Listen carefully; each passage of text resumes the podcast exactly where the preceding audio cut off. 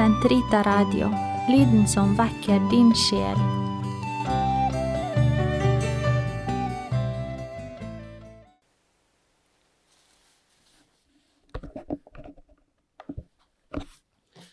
Den katolske kirkes katekisme, uke 16, onsdag 1297 til 1301.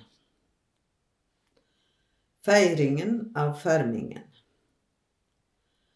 En viktig begivenhet som riktignok går forut for fermingen, men som allikevel kan sies å være del av den, er vigslingen av hellig krisma.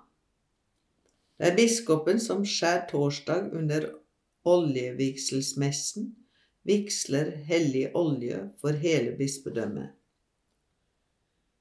I de orientalske kirker er denne vigslingen til og med forbeholdt patriarken.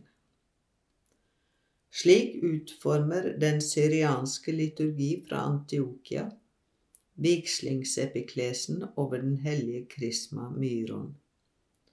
Fader, Send din Hellige Ånd over oss og over denne olje som er foran oss, og vigsle den, slik at den kan være, for alle dem som salves og merkes med den, hellig myron, prestlig myron, kongelig myron, gledens olje, lysets drakt, frelsens kappe, åndelig gave, helliggjørelse for sjel og legeme, uvisnelig glede, uutslettelig seil, troens skjold og skrekkhjelm mot alle fiendens anslag.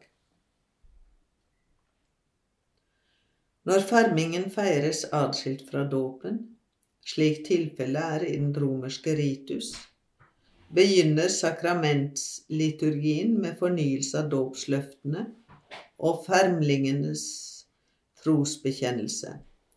Dette viser tydelig at fermingen finner sted i forlengelse av dåpen. Når det er en voksen som døpes, mottar han samtidig fermingen og tar del i eukaristien. I den romerske ritus strekker biskopen hendene ut over alle fermlingene, noe som siden apostlenes dager har vært tegn på Den hellige ånds gave. Deretter nedkaller biskopen utgytelsen av Ånden. Allmektig Gud, vår Herres Jesu Kristi Far, du fridde disse dine barn fra synden og gjenfødte dem av vann og ånd. Herre, inngi dem Den hellige ånd. Trøsteren, gi dem visdoms- og forstandsånd, råds- og styrkesånd, kunnskaps- og fromhetsånd Fyll dem med Guds frykts ånd ved Kristus vår Herre. Deretter følger sakramentets vesentlige rite. I den latinske ritus meddeles fermingens sakrament ved salving med hellig krisma på pannen, som foretas under håndspåleggelse, og ved disse ordene Archipe signaculum doni spiritus sancti.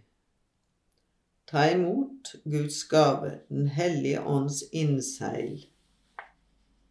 I de orientalske kirker foretas, etter en epiklesebønn, salvingen med myron på alle de mest betydningsfulle delene av kroppen. Pannen, øynene, nesen, ørene, leppene, brystet, ryggen, hendene og føttene. Hver salving ledsages av ordene Seil på gaven som er Den hellige ånd. Fredshilsenen, som avslutter sakramentsriten, betegner og tilkjennegir kirkelig fellesskap med biskopen og alle troende.